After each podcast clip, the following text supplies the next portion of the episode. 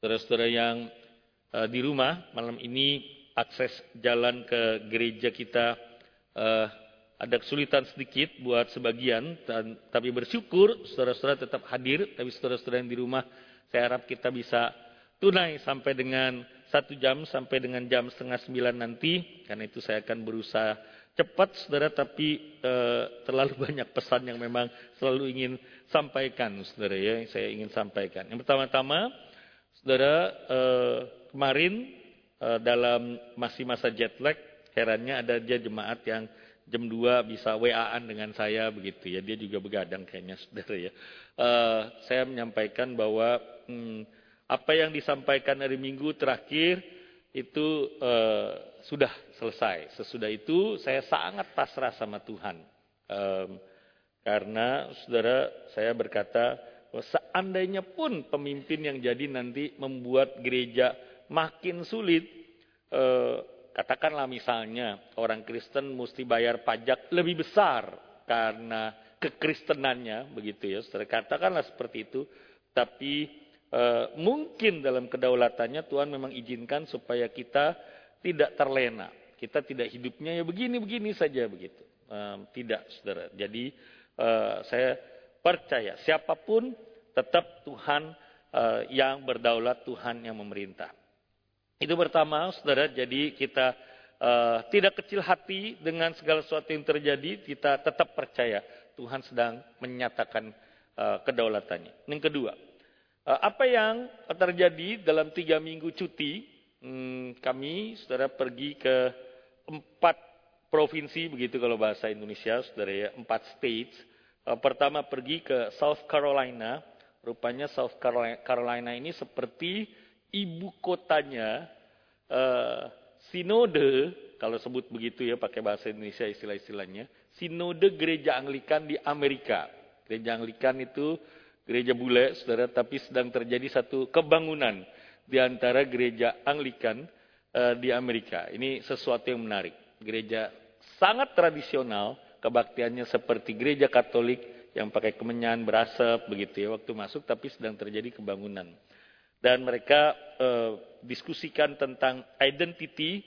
Saya dapatkan tiga. Saya dengan semu dapatkan tiga dari konferensi ini. Yang pertama, uh, mengapa ada banyak LGBT, saudara? Karena dunia akan terus berupaya mendobrak yang namanya limit, yang namanya limitation, yang namanya batas-batas. Pokoknya maunya tidak ada batasnya. Nah, cara sederhananya sebagai gereja bagaimana Eh, dari konferensi itu, saudara, ini kesimpulannya kira-kira konseling tentu ada, hal-hal yang rumit tentu ada, kasus-kasus dibahas, tapi ini kesimpulan yang bisa kita uh, bawa pulang.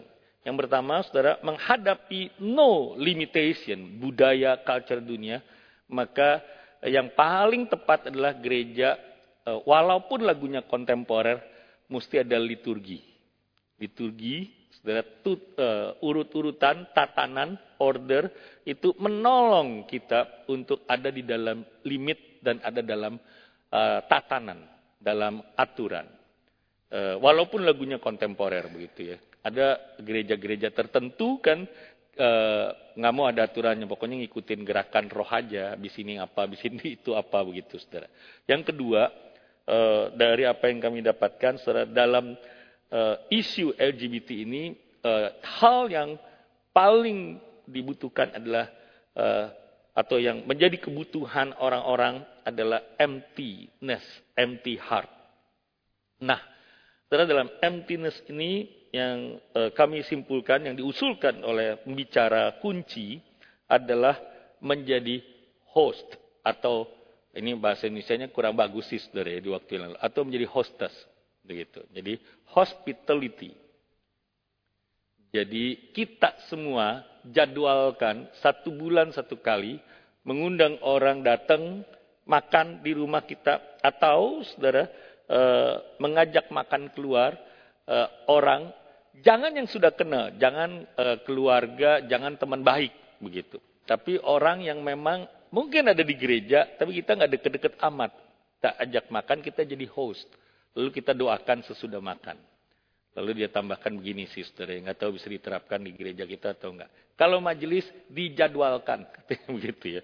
Kalau majelis jadwalkan satu bulan satu kali, jadi host, uh, undang makan orang, lalu mendoakan dia. Undang makan jemaat, nggak usah orang luar, jemaat aja.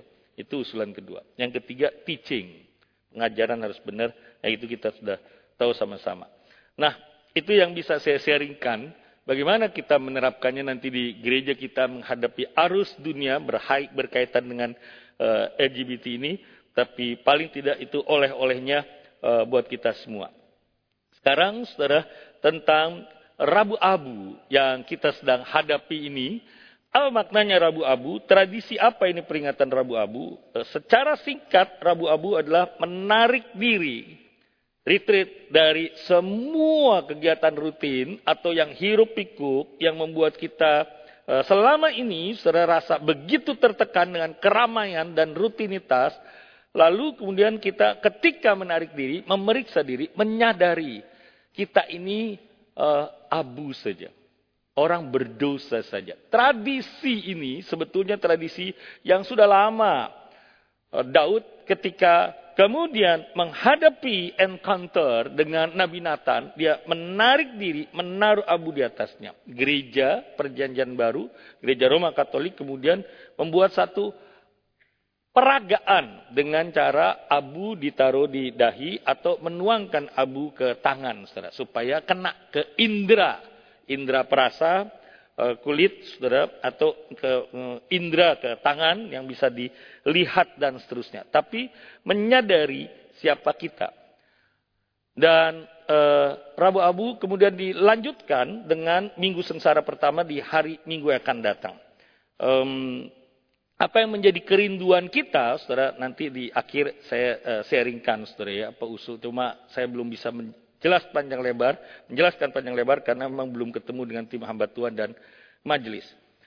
Di saudara, hari ini kita ingin belajar tentang satu mozaik, satu uh, kaca yang nanti membentuk gambar Tuhan Yesus dan kita tempel puzzle pertama, mozaik pertama yang diberi tema menghadapi ekspektasi dunia, menghadapi pengharapan dunia.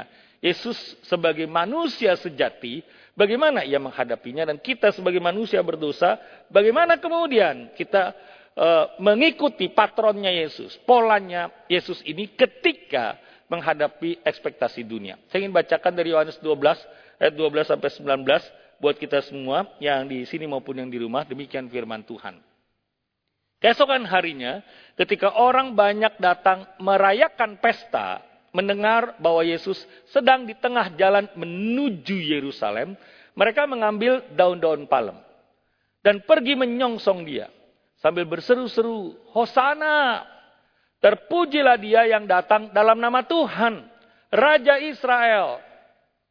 Yesus menemukan seekor keledai muda, lalu ia naik ke atasnya dan seperti ada tertulis, "Jangan takut, hai Sion, lihatlah rajamu datang." Duduk di atas seekor anak keledai. Mula-mula murid-murid Yesus tidak mengerti akan hal itu. Tetapi sesudah Yesus dimuliakan, teringatlah mereka bahwa nas itu mengenai dia. Dan bahwa mereka telah melakukannya juga untuk dia. Lalu Bersaksilah orang banyak yang bersama-sama dengan dia ketika ia memanggil Lazarus keluar dari kubur dan membangkitkannya dari antara orang mati. Jadi tengah jalan, sedang rombongan, lalu tidak ada bendera, nggak ada panji-panji, mereka comot, mereka patahkan daun palem, lalu menyambut Yesus yang naik keledai muda, satu sama lain saling cerita, saudara. Bahwa ini orang ini yang bangkitkan Lazarus waktu yang lalu.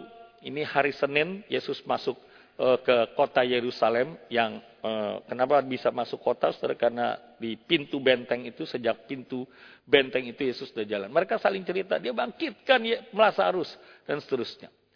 Sebab itu orang-orang yang dengar kesaksian dari Betani, dari tempat Lazarus, uh, membuat orang banyak itu akhirnya yang dengar cerita itu pergi menyongsong dia. Karena mereka mendengar bahwa ia yang membuat tanda mujizat itu.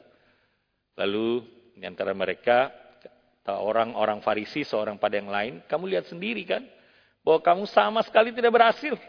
Lihat, seluruh dunia datang mengikuti dia. Amin. Demikian jauh bacaan firman Tuhan. Nah, saudara, Yesus memenuhi harapan dunia. Sekarang sebagai pemimpin, saudara, posisi sulit sebagai pemimpin gereja, ada seorang hamba Tuhan pernah mengatakan begini. Jadi gembala, selalu kesulitannya harus berdiri di antara ini, pulpit dan piu. Pulpit itu mimbar, piu itu kursi, saudara ya. Kursi tempat saudara duduk itu piu. Maksudnya apa, saudara? Karena di atas mimbar harus menyampaikan yang benarnya bagaimana. Yang tepatnya bagaimana. Yang seharusnya seperti apa. Aturannya bagaimana. Tapi dalam kasus-kasus jemaat satu demi satu, itu kita betul-betul kesulitan menyampaikan apa yang benarnya, apa yang diatur itu bagaimana. Misalnya, saudara ya, gereja kita menetapkan uh, pemberkatan nikah tidak boleh hari Minggu. Jemaat bilang, Pak, keluarga tidak mungkin tidak tanggal itu karena keluarga kami belum percaya. Jadi tanggal baiknya hari Minggu. Nah, bagaimana, saudara? Akhirnya ada jalan tengah uh, pemberkatan nikah hari Minggu di luar jam ibadah dan tidak boleh di ruang kebaktian dan seterusnya dan seterusnya begitu saudara. Nah, akan begitu banyak kesulitan saudara sebagai pemimpin gereja uh, atau yang saya pernah hadapi begini saudara ya. Hmm, ketika saya masih uh, lebih muda saudara, sekarang masih muda juga lah ngakunya ya saudara ya. Uh, saya pernah diminta begini, ada satu jemaat cukup berpengaruh, eh, diminta untuk jadi panitia HUT gereja. Kemudian bilang begini, kalau saya diminta untuk menjadi panitia HUT, saya minta surat pengangkatan. Nah, saudara kasih atau enggak? Ada di sini panitia HUT, ada lah ya. Minta surat pengangkatan. surat pengangkatan bahwa saya panitia HUT. Loh yang diangkat itu kalau jadi pengurus komisi, itu ada uh, surat pengangkatan betul ya. Panitia HUT bagaimana? Boleh nggak kasih surat, saudara ya? Wah, sekretaris majelisnya, pembatuan juga ditelepon sama seseorang, dimarah-marahin. Apa susahnya buat surat? Kemudian saya tanya kepada pimpinan sinode waktu itu. Dia tanya begini, Riko, secara aturan mesti buat surat nggak? Enggak. Dia minta surat berdasarkan apa? E, ya dia maunya begitu. gitu ya. Saya ceritakan panjang lebar. Kamu keberatan nggak dia jadi panitia HUT? Enggak. Oke-oke aja. Oke, kalau gitu kasih itu surat. Bukan karena peraturan, tapi karena dia minta. Apa susahnya? Saudara ngerti maksudnya ya? Antara aturan, lalu dengan uh, maunya seseorang yang mungkin dia punya ada pemikiran sendiri, itu menempatkan diri di posisi yang tidak mudah.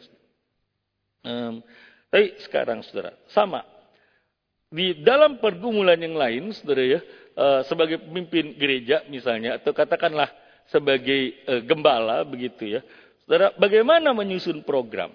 Jemaat minta Saudara, ada program ini, ada hal-hal yang dulu pernah berjaya. Kalau dia senangnya KKR, KKR mesti dijalankan. Kebaktian doa mesti ramai. Khotbah mesti praktis. Jumlah jemaat mesti cepat naik. Kadang-kadang tekanan juga dari hamba Tuhan begitu, ekspektasi dari hamba Tuhan. Visi mesti jelas. Prioritasnya mesti bagaimana? Kadang-kadang saudara, eh, apa yang dikerjakan, apa yang diprioritaskan secara naluriah datang berasalkan dari eh, pembisik. Orang yang paling dekat dengan gembala. Atau kadang-kadang dari orang yang berpengaruh. Eh, yang membuat dia nanti suasana relasinya jadi nyaman atau tidak. Saudara. Lalu akhirnya itu program yang dijalankan. Berdasarkan ekspektasi dari jemaat. Tapi tetap dibungkus, dikemas, dinarasikan. Tuhan juga pakai suara jemaat kan Pak. Pokoknya kalau ada kebutuhan, jalanin aja ya. Dan seterusnya dan seterusnya. Bahkan pakai alasan logis lagi, pakai alasan teologis gitu. Kalau orang susah, ya mesti dibantu. Itu kan Alkitab juga bilang begitu. Diakonnya mesti begitu. Dan seterusnya. Tapi ada tipe pemimpin yang lain, saudara, tipe pemimpin yang uh, lebih quote in quote lebih dominan, lebih bukan diktator lah. Saya tidak sebut diktator atau otoriter. Pokoknya jemaat itu uh, tahunya ikut aja. Saya yang sudah bergumul sama Tuhan, begitu. Pokoknya harus seperti ini. Ada yang terang-terangan begitu, saudara, menyatakan bahwa jemaat ikut saja, eh, pokoknya apa yang diputuskan itu sudah benar. Ada yang eh, mungkin eh, pinjam tangan, ada yang lobby, ada yang atas nama rapat, ada yang atas nama sinode, atas nama visi, dan seterusnya dan seterusnya, saudara. Jadi eh, atau ada yang memenuhi ekspektasi diri sendiri. Saya sebagai rohaniwan harus punya prestasi apa, gedung berapa besar yang dibangun, atau pos berapa cabang yang dibuka, atau legasi apa yang harus saya hasilkan. Tuhan Yesus tidak menyerah kepada tekanan-tekanan ini, pada diri sendiri, kepada tuntutan orang banyak, kepada uh, tekanan bahwa dia harus berhasil, ketika ia hidup dia harus achieve sesuatu. Tidak, saudara. Tuhan Yesus punya alternatif way. Ini mozaik pertama ketika dia uh, menghadapi tekanan-tekanan itu. The alternative yang juga bisa kita teladani, kita ikuti, saudara, adalah the way of Jesus. Kondisi Yesus pada waktu itu, tingkat kepuasan rakyat untuk Yesus lebih dari 80 persen. Dari mana kita tahu, saudara ya? Saudara, Yesus itu berhasil bagi-bagi sembako gratis berupa lima roti dua ikan kepada minimal satu waktu lima ribu orang yang laki-laki, saudara, dan belum yang perempuan eh, dan anak-anak tidak terhitung, eh, tidak dihitung, atau empat ribu orang, saudara, dengan eh, tujuh roti dan seterusnya, saudara. Jadi sudah kejayaan Yesus pada waktu itu, apa yang mustahil selama ini, buta tiba-tiba bisa melihat, lumpuh tiba-tiba bisa jalan, yang sakit sembuh, yang cacat lahir juga sembuh, saudara. Yang terakhir, ini kejayaannya Yesus. Bahkan yang mati sudah empat hari di kuburan. Pergi lagi ke tempat kuburan, lalu Tuhan Yesus bilang, keluarlah, bangkitlah, bangkit. Saudara. Itu yang disampaikan. Jadi di tengah-tengah Yesus sedang di masa begitu puncaknya his glory katakanlah begitu kejayaannya secara manusia dan siapa pun juga sudah rasa kalah hawa dengan Yesus dan itu yang terjadi orang-orang Farisi juga merasa lihat kan Saudara kalau mengikuti dari pasal 7, Yohanes pasal 7, saudara menemukan mereka itu sudah ulang-ulang mau melempari Yesus dengan batu, mau membunuh Yesus, tapi Catatan Alkitab menulisnya begini, saatnya belum tiba. Saatnya belum tiba. Yohanes 12, Yohanes 11 ayat 59 satu titik balik. Maka saatnya tiba. Lalu pertama-tama Yesus diurapi oleh uh, Maria di uh, rumah salah satu rumah saudara di Betania dan di situ adalah seharus ikut makan. Jadi Yesus di tengah segala puncak kejayaannya itu, di tengah-tengah ia disegani oleh kawan dan lawan, Uh, tapi Yesus yang tahu sebenarnya, yang benarnya seperti apa, yang seharusnya seperti apa, ia punya visi yang paling jelas karena ia tahu masa depan, ia uh, harusnya juga menyadari, saudara, bahwa dia bukan harusnya, tapi dia memang juga menyadari dirinya seperti apa, tapi dia tidak pakai powernya. Dia tidak pakai kemampuannya, dia tidak pakai wibawanya. Yesus memilih jalan yang ketiga, saudara ya. Tapi sebelum ke situ, saya ingin mengajak saudara lihat begini ya. Apa yang dimaksud dengan pengaruh besar. Ada yang tidak tahu gambar siapa ini? Saya nggak tanya yang tahu deh saudara ya. Saya tanya yang tidak tahu. Ada yang tidak tahu siapa ini? AI tahu nggak ya? So, tahu nggak siapa ini? Uh, ini Taylor Swift. Berapa kekayaan yang dia punya sekarang? atau berapa value-nya dia bukan kayaannya 1,1 billion uh, dollar US lagi uh, rame karena hari Senin waktu Indonesia kemarin uh, baru saja selesai Super Bowl. Apa itu Super Bowl saudara? Olahraga Amerika bola Amerika. Uh, saya mengikuti sejak saya kuliah jadi sejak kira-kira 12 tahun yang lalu di Amerika saudara. Saya senang dengan Super Bowl ini. Saudara, mengapa begitu populer dia setelah Super Bowl? Karena dia pacaran sama salah satu jagoannya satu tim dari Kansas City. Uh, Chiefs namanya saudara. Dan kemarin menang. Saudara sejak pacaran tahun yang lalu sampai dengan sekarang, grup Chief dari Kansas City itu mendapat tambahan penggemar dari anak-anak perempuan umur 20-an, di bawah 20-an bahkan sampai 20-an 20, 20 juta orang. Jersey, kaos Chiefs, dari ya. Untungnya dan juga harga siaran TV, saudara, sejak pacaran ini si Kelsey dengan Taylor Swift, saudara mendapat keuntungan satu tahun 300 juta dolar. Gara-gara satu orang ini nih, saudara ya. Jadi PSSI-nya atau NFL-nya sudah mendapatkan keuntungan setelah Taylor Swift ikut tahun ini rekor, rekor uh, apa namanya penonton Super Bowl terbanyak sepanjang sejarah gara-gara dia saudara ikut. Jadi sekarang ini saudara ya uh, di tengah-tengah puncak kejayaannya nanti Maret dia datang ke Singapura diperpanjang masa konsernya, saudara bukan cuma empat hari dan tiket dijual lebih banyak kalau saudara mau ya uh, ikut saudara. Taylor Swift akan datang ke Singapura. Saudara, dia sedang begitu jayanya. Jadi kenapa bisa diperpanjang? Orang bilangnya begini, Taylor is coming. Saudara, dia datang dari ngaruhnya begitu luar biasa. Saudara, bagaimana kalau seandainya uh, ada sesuatu yang kita nanti-nantikan yang kita harapkan dengan begitu senangnya memberikan kepada kita entah satu sense, entah satu kesan tersendiri, eh, sekarang kemudian ada di depan mata kita. Dan kita mungkin eh, menjadi VVIP yang paling dekat dengan dia. Buat saya, saudara, buat kami sekeluarga, eh, kami tidak mau pergi bawa mobil ke New York dari New Jersey, saudara, atau dari baratnya New York, kira-kira dari Serpong, ke masuk ke, ke kota Jakarta begitu kami e, memilih naik bis. Anak saya yang perempuan udah bilang, dia yang ngatur perjalanan kami ya. Bisnya masih 8 menit lagi. Rumah ke depan itu cuma satu menit pak. Saya bilang daripada kita nanti terlambat bisnya. Yang keluar aja sekarang nggak apa-apa. Saudara, suhunya berapa? Minus 7 ini orang Jakarta yang nggak tahu minus tujuh ster ya, sok-sokan walaupun udah pakai baju tebel. Nunggu di luar itu dingin pak, nggak apa-apa tunggu aja di luar. Dan nunggu di luar bisnya nggak datang-datang ster ya, lebih dari 10 menit. Saudara bisa bayangin nggak? Nunggu bis, jadi begitu bisnya datang, the bus is coming. Kami semua yang nunggu di halte itu.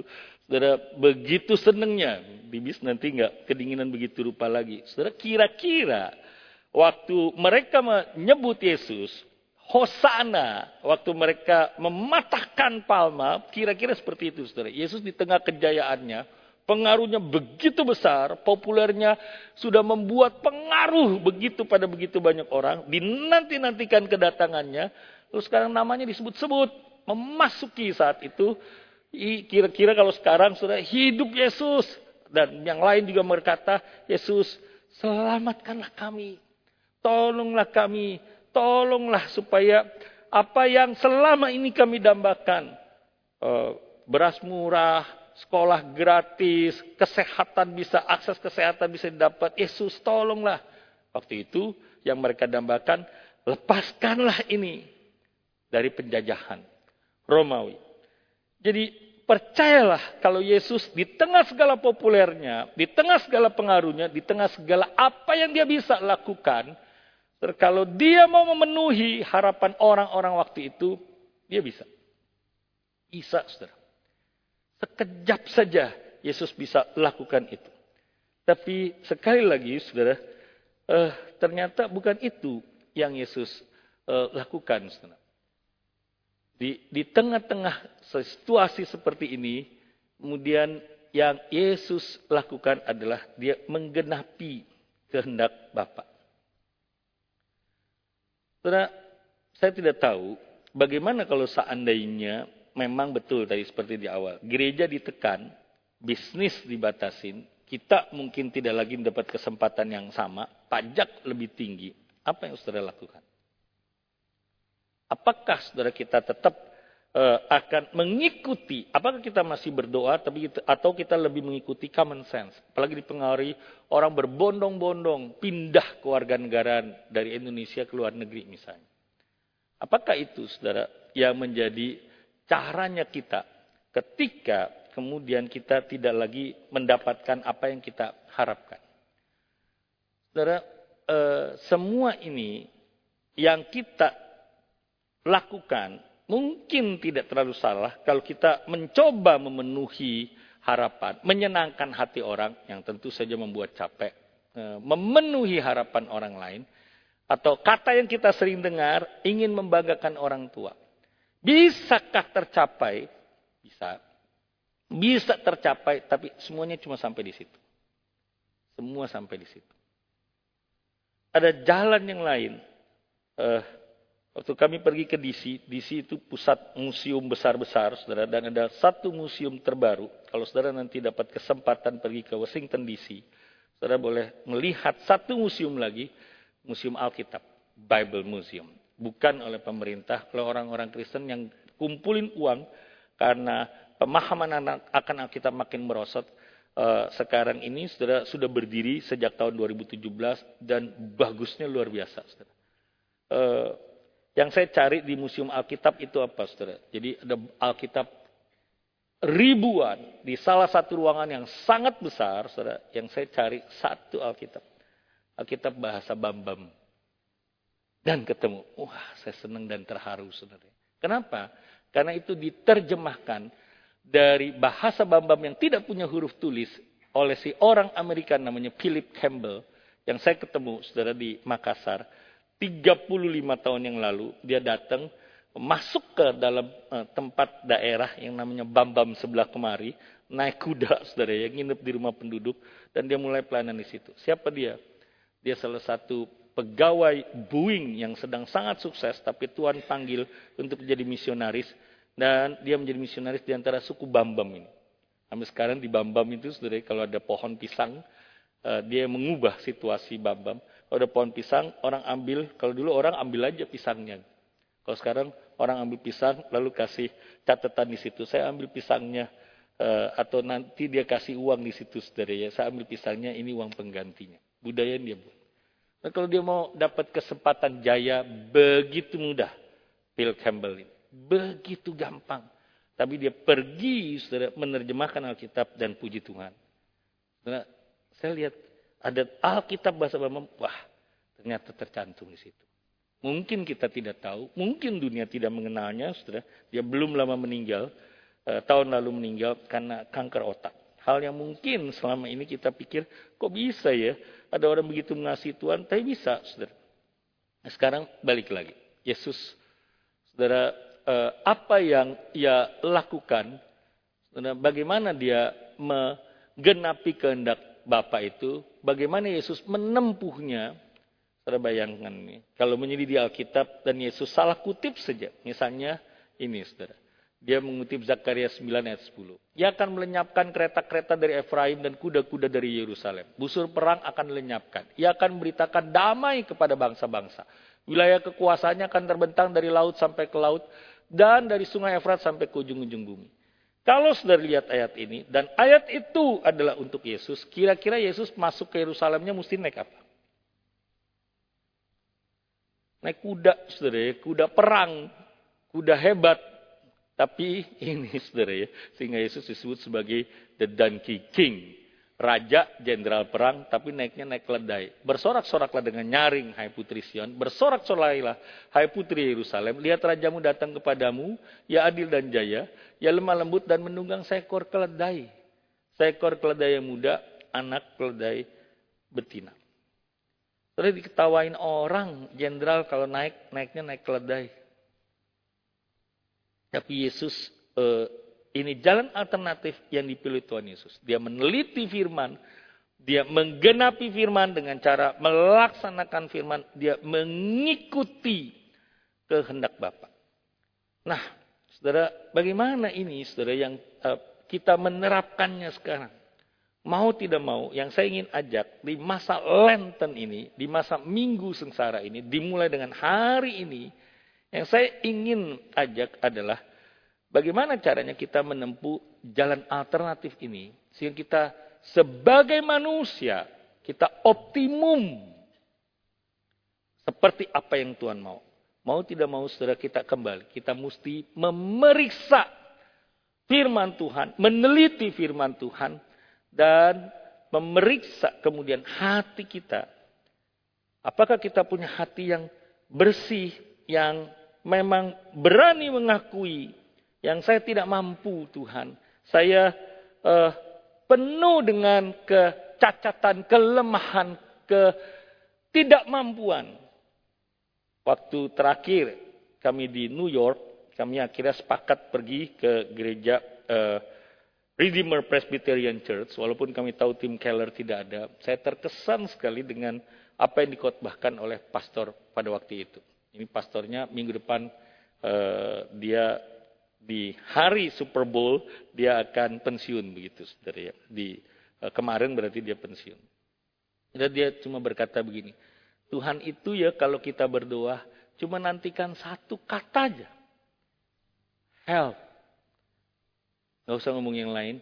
Roh Kudus Roma 8 ayat yang ke-26 27 Saudara mengatakan bahwa uh, nanti Roh Kudus yang terjemahkan apa yang menjadi isi hati kita kepada Bapa. Problemnya, apakah kita punya keberanian berlutut dan berkata kepada Tuhan, Tuhan tolonglah saya. Saya nggak bisa lagi. Termasuk dengan kecanduan dosa-dosa kita atau kelemahan-kelemahan kita. Nah, di masa Lenten ini yang saya ingin ajak kita adalah ini, Ustaz. Bagaimanakah kita memang mengoptimalkan, saya belum tahu bagaimana caranya, besok baru rapat hamba Tuhan, tapi mengoptimalkan alone with God yang setengah jam dari jam 7 sampai setengah 8 di gereja kita. Baik pada waktu hari Minggu pagi, ataupun jam 7 sampai setengah 8 malam di kebaktian dua Rabu. Atau di kebaktian 5 yang belum ada alone with God-nya. Atau di kebaktian sore yang belum ada. Tapi di waktu itu kita periksa diri. Examine. Self-examine. Dan mengakui. Dan inilah Injil, saudara. Bahwa kalau kita bersedia, seberapa lemahnya pun kita, seberapa kita berdoa udah nggak sanggup lagi berdoa, mungkin kita udah kewalahan berdoa, mungkin kita udah berulang-ulang dalam dosa yang sama, yang kita sebut sebagai flows itu, kelemahan itu, cacatnya kita itu, tapi berkata, eh, Tuhan tolonglah saya. Nah, saya ingin mengajak kita, saudara, menyadari bahwa inilah tadi lagu yang dipilih begitu tepat, saudara, bahwa inilah Injil itu. Inilah kuasa darah Yesus itu. Dosa yang dan kelemahan yang begitu banyak itu. Ketika kita berani terbuka, bahkan berdoa hanya dengan satu kata, Tuhan tolong. Itu dihapus, ditutupi, tidak dibongkar-bongkar oleh Tuhan. Lalu target kita, saudara, dalam proses pengudusan ini, yang dimulai dari Rabu ini, paling tidak sesudah ini kita punya hati nurani lebih tajam. Kita lebih peka, lebih sensitif. Kita uh, paling tidak ya kalau dulu begitu cepatnya jatuh dalam pencobaan ketika kita dalam proses pengudusan, ketika kita dalam proses uh, pemeriksaan diri, ketika kita menyadari bahwa kita ini debu, tapi paling tidak kita tidak secepat itu jatuhnya. Seandainya pun jatuh juga, toh tetap ada bantal Injil yang akan mengalasi kita sehingga kita tidak bruk dan hancur berkeping-keping. Jadi pada waktu-waktu seperti ini dengan cara seperti itu, kita ketika hati makin dibersihkan, kita makin dikuduskan, karakter kita juga makin seperti Kristus, saya makin percaya saudara, kita punya hati yang makin lebih peka terhadap firman Tuhan, dan akhirnya kita lebih berani untuk mengambil keputusan, ini yang kutempuh. Bukan lagi ikuti harapan dunia atau keinginan orang lain. Walaupun kalah juga katakanlah terhadap cobaan dan dosa, tapi paling tidak kita tidak nol. Tidak dapat nilai nol. Saudara, di hari ini saya ingin mengajak kita mulai untuk menggunakan waktu setiap minggu, hari minggu atau hari Rabu, waktu untuk menyendiri, memeriksa diri dan minta Tuhan tolong hati nurani saya makin lebih sensitif kepada Tuhan. Saya makin lebih berani untuk melangkah mengikuti kehendak Tuhan dan saya menggenapi kehendak Tuhan dengan menjalankannya. Walaupun itu tidak sesuai dengan harapan dunia. Walaupun saya tidak jadi populer. Maukah saudara? Dan eh, saya tutup begini loh saudara. Waktu STTA baru mulai, saya pernah menjadi dosen. Nggak tahu bagaimana, pokoknya gelarnya masih, eh, masih STH, tapi kemudian jadi dosen di situ. Eh, di salah satu ujian akhir semester, saya mengajar cuma dua semester, eh, dalam saya nggak kasih soal susah-susah saudara ya. Saya kasih soal paling tiga begitu ya. Dan lebih banyak uh, itu pendapatnya mereka bagaimana begitu. Jadi bukan ABCD essay. Eh ada satu anak dalam salah satu final exam saudara semester itu dia bilang begini pak untuk jawaban soal nomor dua selamat Natal dan tahun baru aja ya pak saya nggak bisa begitu saudara ya saya sebel banget. Tapi ada anak yang lain, jawaban nomor dua itu, jawabannya dua lembar. Bulak balik nih saudara ya, bulak balik dua lembar. Empat halaman. Tapi salah semua saudara. Yang ditanya apa dijawab yang ngaco saudara. Jadi aduh ini. Tapi yang ini tadi nih, yang selamat Natal dan Tahun Baru, udah saya kasih nol untuk jawaban nomor dua. Yang ini, ya kasih nilai tiga lah ongkos nulis begitu ya. Kan dia udah capek-capek nulis empat halaman walaupun saudara ngerti maksud saya. Walaupun mungkin kita jatuh juga, gagal juga. Tapi paling tidak waktu Tuhan lihat dalam seluruh proses pengudusan ini. Kita melangkah, mau ikut. Kehendak Tuhan, Tuhan hargai kita. Dan ini targetnya yang saya ingin saudara ajak di masa Lenten ini kita makin periksa diri. Lalu kita dalam proses pengudusan ini, kita makin mengikuti standarnya Tuhan. Walaupun jauh, tidak sampai 100. Tapi ada dua lah, ada tiga. Ada dapat empat lah, sudah. Tapi tidak nol, tidak zero, apalagi minus. Maukah? Mari kita berutut, kita uh, ambil bantal kita di rumah, saudara-saudara boleh berdoa. Dan satu dua menit, mari saya ajak kita berdoa sebentar. Masing-masing kita di dalam doa kita. Ambil waktu satu dua menit. Kita minta target satu sampai tujuh minggu ke depan sampai Jumat Agunan Paskah. Walaupun kita debu, walaupun kita abu, walaupun kita orang berdosa, jangan lupa ada Injil, kuasa darah Tuhan Yesus yang menolong kita tapi paling tidak kita punya self-examine. Kita punya rinduan untuk periksa diri. Ada waktu menyendiri, ada waktu retreat. Apa yang kita lakukan waktu sendiri itu? Periksa. Apa dosa saya yang paling sering ulang-ulang gagal? Apa kelemahan saya yang udahlah saya udah powerless. Gak bisa apa-apa lagi. Yang saya cuma bisa doa minta. Tuhan tolonglah saya kita bawa kepada Tuhan. Kita minta. Ada progres. Sedikit saja. Satu dua langkah saja. Tapi paling tidak kita maju. Ditolong Tuhan. Walaupun maju tiga langkah, mundur lagi dua langkah. Walaupun jatuh bangun. Proses pengudusan ini. Walaupun kita orang debu, orang berdosa.